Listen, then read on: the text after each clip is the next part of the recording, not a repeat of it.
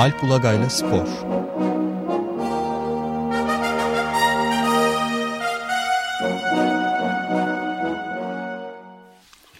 Günaydın Alp. Günaydın Ömer Bey. Günaydın Alp Bey. Günaydın Can.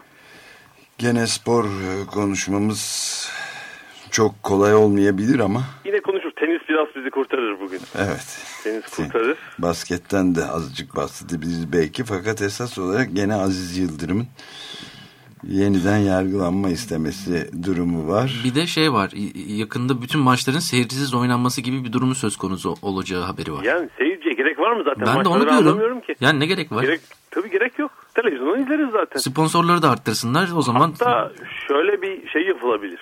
Bir e, bu inşaat konusunda Türkiye çok gelişmiş bir ülke zaten. Birçok ülkeye inşaat yapılıyor. Mesela tamamen tribünsüz, tribünsüz sahalar. Tribünsüz. Etrafına bir yüksek duvar çekilir. Değil mi? Böyle 10 metrelik falan beton duvar. Ya da TOKİ bir site yapsın. Sitenin balkonunda, apartmanların balkonunda izlensin. O vefa stadı gibi. Evet. Çok güzel. O nostalji var İstanbul'da biliyorsunuz. Yarısı apartmandır. E, Karagümrükler kızar gerçi. Karagümrük stadı orası diye. Vefalar vefa stadı der. Fatih'teki stadyum. Yarısı apartmandır. İnsanlar böyle işte kimisi artık herhalde çay içerek, kimisi rakısını içerek maç izler. Evet. Şeyden, apartmandan. Ali Samiyen sitesi gibi. o da bir çözüm olabilir. Tam Böyle ama şeyler olsun o zaman. Duvarlara dev ekran tabii. Ee, şey olabilir çevresi apartmansa mesela yer kaybolmaması için 40-50 kat falan. Stadın üstünde de bir tane katlı artık. otopark yaparız. Ne, yap ne yaparız? Stadın üstünde de bir tane katlı otopark yaparız. Oh mis hiç yer kaybı olmayacak yani. evet evet. Peki bir şey soracağım. Neden bu seyircisiz? Ben bu espri Can'la sizin aranızda biz, biz seyircileri de, de destekçileri de dahil, dahil edin dinleyicileri. Evet herkes affetsin bizi. Hmm, iki gün önce mi oldu Can? İki gün oldu galiba. Galiba evet. Futbol Federasyonu disiplin talimatında böyle ortada foul yok yumurta yokken değişiklik yaptı. Ve e, yani çarşamba gününe kadar işte bu değişiklik yapılana kadar e, işte maçlardaki kötü tezahüratla ilgili bir sınırlama vardı. İşte belli bir süreniz 30 saniye miydi bir dakika üzerinde olursa. Şimdi artık hiç süre sınırlaması yok. Yani bir e, işte rakibe hakaret içerdiği ya da işte herhangi bir e, e, şeyli hmm, kusurlu slogan olan herhangi bir halde süresine bakılmaksızın disiplin kuruluna sevk edilecek e, şey e, tezahürat yapan taraftarın takımı. Yani her yer Taksim, her yer direniş diyen bir takımın taraftarı tamamen. Ee, yani ve onu hani öyle bir dakika falan yapmanız gerek değil işte. 300 kişi bağırdı. 5 saniye bir kere söyledi sloganı. Ve? ve o şey için bir gerekçe olacak artık disiplin kuruluna sevk edilmesi için. Yani tabii yapılan bütün yorumlar bu disiplin talimatının değişmesi üzerine, bu maddenin değişmesi üzerine talimattaki şeydi yani 34. dakikadaki e, eylemleri engellemek. Ee, burada da herhalde birinci hedefler bir e, Fenerbahçe oluyor. Çünkü Fenerbahçe'nin neredeyse bu sezon ilk yarıdaki e, maçları her maçında şey oldu. Tezahürat oldu. E, Beşiktaş'ın kısmen çarşını çünkü zaten birkaç maçı seyirsiz oynadı Beşiktaş. Stadı değişti falan ama olimpiyat stadındaki maçlarda da epey tantana oldu ki şimdi Kasımpaşa ile stadyum e, sözleşmesini feshetti Beşiktaş. İkinci yarıdaki maçlarının tamamını anladığım kadarıyla olimpiyat stadında oynayacak. Yani hiç ses çıkmasın. Sadece hani e, spora yönelik tezahürat olsun, küfür olmasın gibi bir şey söz konusu. Yani bütün stadyum gol gol gol gol diye inleyecek. Eski tip tezahüratlar. Re re re. Re re re re gasa gasa cimbombom mesela. Şey tabii e, nasıl uygulanıyor Türkiye'de hani bir sürü kurallar konur, kanunlar çıkar, talimatlar değişir. Asıl mesele uygulamadadır. Evet. Bir de bunun nasıl uygulanacağına tabii bakmak lazım. Şimdi siyasi bir tezahürat oldu kısa da olsa. Takım disiplin kuruluna sevk edildi ama mesela Türkiye'deki herhalde en büyük sorun tribündeki bu değil. Nedir? Toplu küfürdür yıllardır. Hakeme, rakip yöneticiye öyle bir şey olduğunda bakalım şey olacak mı? Disiplin kuruluna sevk olacak mı? Asıl benim merak ettiğim.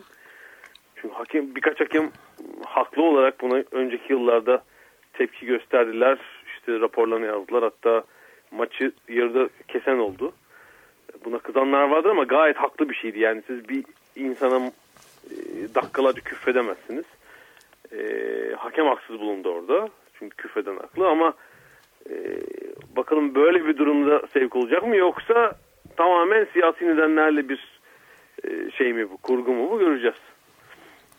Evet çok e, yani kaos hali, anomi hali giderek toplumun tüm kesimlerinde, tüm kurumlarında görülüyor. Öyle bir anlamak lazım. Evet, ben özellikle bu hafta sonu Fenerbahçe'nin maçı hangi gün? E, Konya Spor maçı var kendi sahasında. Yani hem bu talimatta bu değişiklik yapıldı üstüne e, Aziz Yıldırım aleyhine Yargıtay'dan çıkan karar var. E, ciddi bir tepki olmasını bekleyebiliriz. Dün e, e, Fenerbahçe'nin Euroleague basketbol maçı vardı. Ya, maçı izleyemedim ben. E, maç sonunda Aziz Yıldırım aleyhine tezahürat olmuş. Ama maç içinde bilmiyorum doğrusu şey oldu mu? Tezahürat oldu mu? Çünkü ülke arenada da çok şeyli ateşli bir seyirci oluyor Euroleague maçlarında. Ee, orada maç izleyince görüyorsunuz. Ama asıl şeyi e, tepkiyi bu hafta sonu e, lig maçında göreceğiz diye tahmin ediyorum. Yani ve uygulamanın olup olmayacağını da göreceğiz. Yani bu hani bir üstü kapalı tehdit mi yoksa hakikaten uygulanacak mı göreceğiz bakalım. Yani şöyle bir sorun da olabilir. Yani bir e, taraftar, bir takım taraftarına uygulayıp bunu diğer takım taraftarına uygulamamak gibi bir durum söz konusu olmayabilir. E, yani, zaten nedir? Türkiye'deki en büyük sorunlardan biri çift standartları evet. bir sürü alanda. Hani sporda da böyle. Yani her tezahüratı yapan e, taraftarın, e, kulübün e, maçların seyircisiz oynaması gibi bir durum söz konusu olabilir. O zaman tamamen bütün maçların zaten seyircisiz oynanacağı belki Kasımpaşa hariç Kasımpaşa'nın maçları Oradaki biliyorsunuz orada da maç tekrar karar alınmıştı. Dün tahkim kurulunda Kasımpaşa'nın tekrarın kaldırılmasına dair e, talebi var. Yani itirazı vardı tekrara dair. Onun da bir kararı bağlayamadı şey. Tahkim kurulu erteledi yani şeyi kararı. Bir de o tekrar meselesi var. Öyle mi? Evet. Kasımpaşa Beşiktaş maçından bahsediyoruz. Evet, evet. Ee, evet yani bu uygulanabilir bir tarafı yok. Yani Ukrayna'da e, şimdi benzetme uygun değil. Yani teşbihte hata olmaz derler ama yani Ukrayna'da e, beş kişiden fazla insanın bir araya geçip gösteri yapması halinde 15 yıla kadar hapis cezasıyla yargılanacağına dair bir kanun geçirdiler aşağı yukarı. Bunlar işte zaman kaybı hep yani. Direkt orada vuracaksın. Değil mi? yani mahkeme falan. Hayır yani şeyleri hakimlere avukatlara para ödenmiyor mu? Bir sürü masraf. Evet tabii canım. Şimdi burada da maç daha başlarken herhangi bir tezahürat, ön tezahürat olması halinde de maçı iptal stadı da kapatmak lazım. Orada ek, yani şeyde puan cetvelinde otomatik 3 puan düşecek mesela. Evet. Tık diye hemen. Elektronik sistem. Yani evet bu yüzden ikinci yarı e, bir şeye gebe yine bir takım olaylara gebe olabilir. Evet ama ilk ilk yarının başında da çeşitli e, şeyler söylenmişti. Ee, en, benim hatırladığım siyasi tezahüratlara herhangi bir şekilde izin verilmeyeceğiydi stadyumlarda. Evet şeyler, hatta e, kritik maçlara dört savcı birden görevlendirilecek. Evet. Ama ee, Beşiktaş'ın özellikle olimpiyat stadında oynadığı ligin başındaki o kalabalık maçlar 60 bin 70 bin kişilik. İşte onların biri gerçi büyük bir kaosla sona erdi. Evet. Ee, Beşiktaş Galatasaray maçı. Hani Beşiktaş'ın e, ligde yaşadığı düşüşün sebeplerinden biri olarak hani söyleyebiliriz herhalde. Ama o maçlardan dolayı mesela e, yaptırma oynayan ceza alan seyirci var mı? Doğrusu ben çok hatırlamıyorum yani şey olarak. Evet, bu nostalji programına yavaş yavaş evrilmeye başladı. Siz eski spor bakanı Kılıç'ı özlediniz besbelli. Yenisi de Kılıç ama. Evet. evet bu böyle peki e, şeye de azıcık değinebiliriz. E, Yıldırım'ın Aziz Yıldırım'ın dönüşü e, ve büyük çalkantılar oldu gene Yargıtay kararı ve arkasından gelen. Onlar konusunda nasıl bir yorum evet, yapacağız? Evet, kararını onayladı Yargıtay. Ee, sonra kulüp tebliğ edilmedi de Aziz Yıldırım döndü. Ee, hani prosedürü tam bilmiyorum. Aziz Yıldırım dün işte maçtaydı. Havalanına indi, karşılama yapıldı ama o işte bir televizyona çıkacaktı onun e, şeyin buraya çıkmaktan vazgeçti sonra kendi kulüp resmi sitesinde televizyonda yapılan şeyler var. Bir takım bildiriler açıklamalar. Bu kararı tanımıyoruz e, babında. E, ama şey hani karar nasıl uygulanacak bir kere onu şey yapamadım. Çünkü başkanın düşmesi lazım. Evet. Bundan sonra bir itiraz mekanizması bir anayasa mahkemesi sözü vardı. Anayasa mahkemesine gidebilirler diye ama herhalde kararın uygulanması lazım yani. Yıldırım'ın tekrar cezaevine girip başkanlığının düşmesi lazım ve Gerek şimdi şey de anlayabilmiş değilim. Çok kolay anlaşılmıyor. Yani Mahmut Uslu'nun galiba Fenerbahçe sözcüsü olarak davranan yani paşa paşa da yatarız icabında hiçbir şey tanımayız diyorlar. Ee, ama bir yandan da yargının yeniden görülmesi, yani yeniden yargılanma istiyorlar ve bunlar aynı cümlede içinde de söylenebiliyor. Ee, yani şöyle bu yeniden yargı biliyorsunuz daha büyük, çok daha önemli davalar içinde söz konusu oldu Türkiye'de. Yani onla, eğer onlarda bir sorun bulunur, hakikaten yargının belli dönemlerde taraflı olduğu anlaşılıp yeniden yargılamaya gidilirse Fenerbahçe de bundan faydalanmak isteyecek yani aynı hani benzer evet. dönemde aynı şeyler başımıza geldi diye. Ee, ama herhalde o prosedür işleyene kadar şimdiki şeyin de uygulanması lazım. Yani artık o kadar bir kuruma güvenim kalmadı ki benim Türkiye'de. Ee, nasıl uygulanacak, nasıl edilecek, yeniden yargılama olacak mı kestiremiyorum.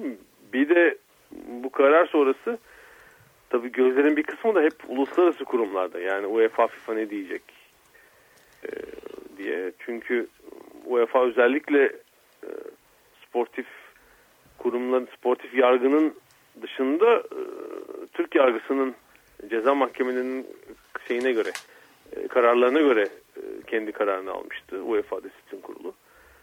E, şimdi o karar teyit edildi. E, Türk yargısından çıkan karar. E, herhalde UEFA'nın şimdilik kendi kararından dönmesi pek mümkün olmaz. Ama hani yöneticilere dair kararını açıklamamıştı mesela e, UEFA. Sadece Fenerbahçe kulübüne dair kararını açıklamıştı. Öyle bir karar da bunun ardından gelir mi? Çünkü o da oradan da şey bekleniyor UEFA'dan. Kişilere dair karar bekleniyor. Henüz uluslararası kurumlardan da bir ses çıkmadı. Bir de merak ettiği konu o. E, Fenerbahçe'de ise karar uygulanırsa bir ay içinde seçime gidilmesi lazım. Aziz Yıldırım'ın başkanlığı düştü ana itibaren. E, işte bir aylık geçici başkan olacak. Yani bir ay sonrası için ise e, muhtemelen yani Yıldırım'ın yine şey yapacağı, işaret edeceği e, birisi başkanlığın favorisi olacaktır muhtemelen. E, takım için moral bozucu olur mu? Zaten iki buçuk yıldır zor bir süreçten geçtiler. E, hani bu haftada önemli bir dayanışma şey var. Bütün futbolcular karşılamaya gittiler. Yabancılar uçak tutup gittiler falan. Çok şey olacağını zannetmiyorum. Hani o bir iki günlük konsantrasyon kaybı dışında herhalde takım için sorun olmaz. Yani hatta bir kenetlenme havası yaratabilir. Evet bayağı ilginç. Hakikaten Çinlilerin laneti gibi ilginç zamanlarda yaşarsın, yaşayarsınız dedikleri gibi böyle bir lanetin içinde olduğumuz görünüyor. Bakalım hakikaten herhangi bir kısa e, geleceği kestirmek önceden kestirmenin bile kolay olmadığı bir ortamdayız. Peki biz bir, böyle bir benzer karışıklık da şu an İspanya'da var. Hmm. Barcelona'da. Şimdi Barcelona e, yaz başında malum Brezilyalı e, yıldız Neymar'ı transfer etmişti ve böyle bir 3 hafta falan transfer pazarlığı sürdü. Çünkü özellikle bu Güney Amerika'da futbolcuların e, bon servisleri konusunda bir takım karışıklıklar var. Bu gerçi İspanya'da Portekiz'de de var. Üçüncü taraf sahipliği deniyor. Yani futbolcunun sahibi bir kulüp değil. Kulübe kredi veren bir şirket oluyor mesela. Kulübün haklarının bir kısmı bir şirkette ya da bir üçüncü şahısta oluyor. Ee, Neymar'ın da işte haklarının bir kısmı ailesinde babasının kurduğu şirkette. Neyse Neymar en sonunda Haziran sonunda imzayı attı. 57 milyon e, avro şey ödedi Barcelona.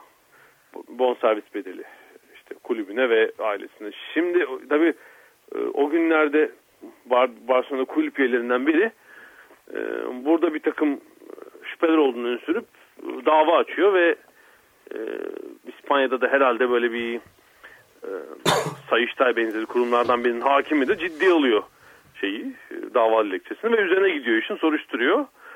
E, dün bunlar üzerine demek ki burada şaibe attı. Barcelona'da şeyin e, imzalanan sözleşmede bir takım şeyler e, nasıl diyeyim hani gizlilik maddeleri bulunduğunu sürüp açıklama yapmıyordu işte. Bedel odur. Hani kime ödendiğini nasıl ödendiğini açıklayamayız. Ama iş belli ki sarpa sardı. Dün kulüp başkanı istifa etti. Öyle mi? Sandro Rosel oraya kadar e, gitti iş. E, çünkü Rosel, Rosel'i ifadeye çağırdı.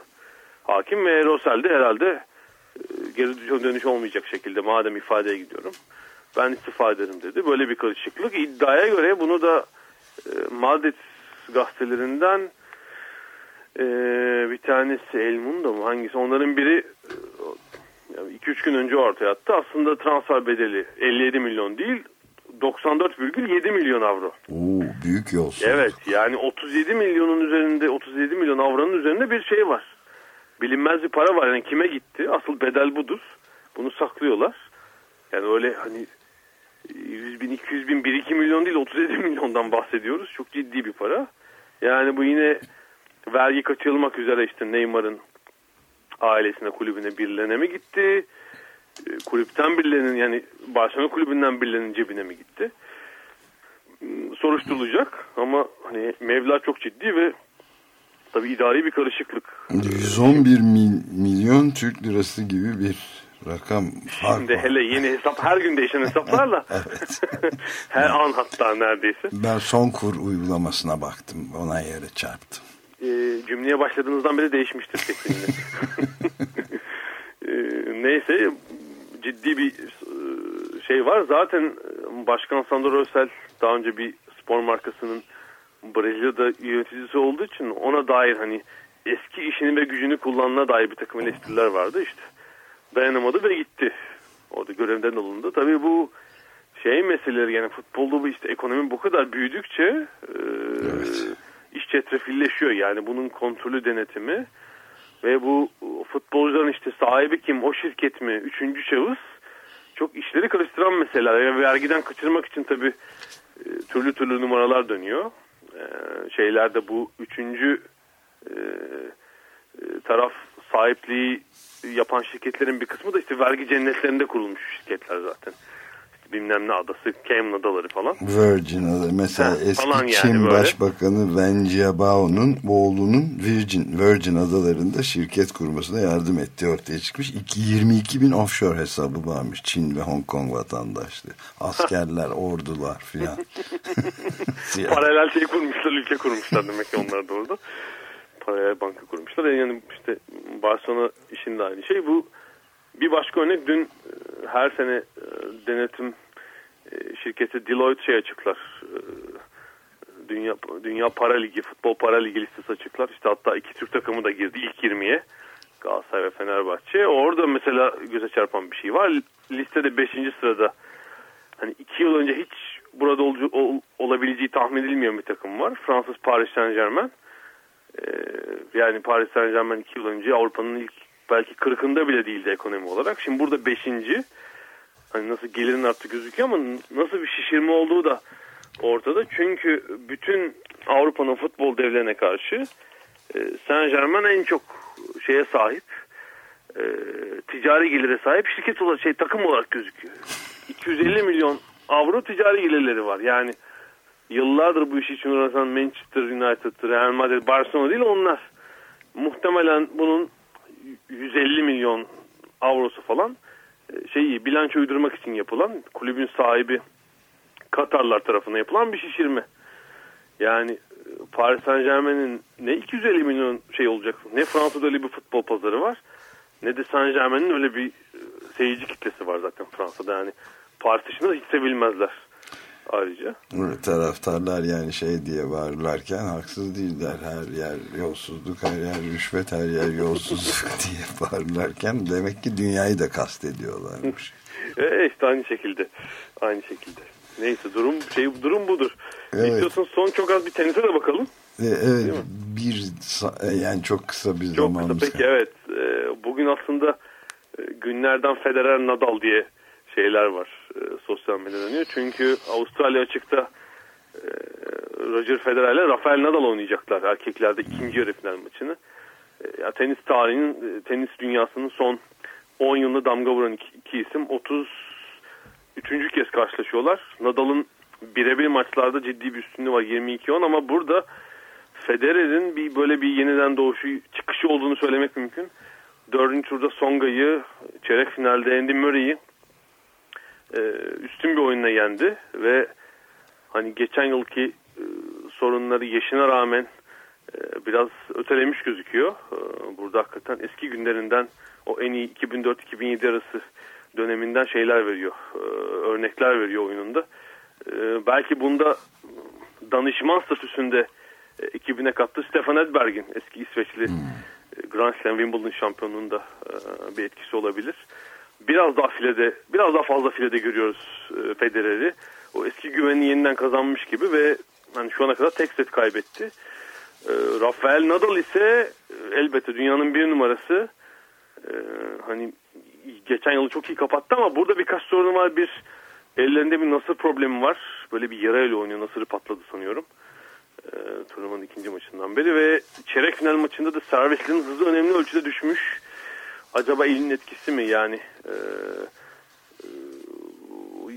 15 12-13 kilometre e, saatte 12-13 kilometre düşmüş servislerin hızı önceki maçlara göre.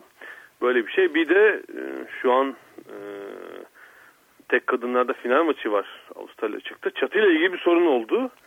E, herhalde kapattılar sabah saatlerinde. E, hava herhalde kötü olacak diye Rod Laver Arena'nın çatısını kapatıyorlardı. E, galiba jeneratör bozuldu. Açık kaldı çatı. Tamamen kapamamıştı. E, kapalı şey olan maçlarda Federer Nadal'a karşı üstün. Yani üstün olduğu tek alanı. Herhalde kapalı çatıda biraz daha favori konumunda olacak evet. Roger Federer. Pazara mı bitiyor? Final pazar günü mü? Final pazar evet. Evet. Peki. Peki görüşürüz. Onu da değerlendiririz gelecek hafta. Haftaya görüşmek üzere. Görüşmek teşekkürler.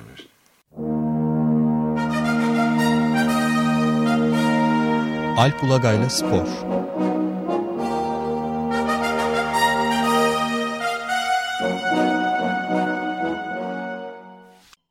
Açık Radyo program destekçisi olun. Bir veya daha fazla programa destek olmak için 212 alan koduyla 343 41 41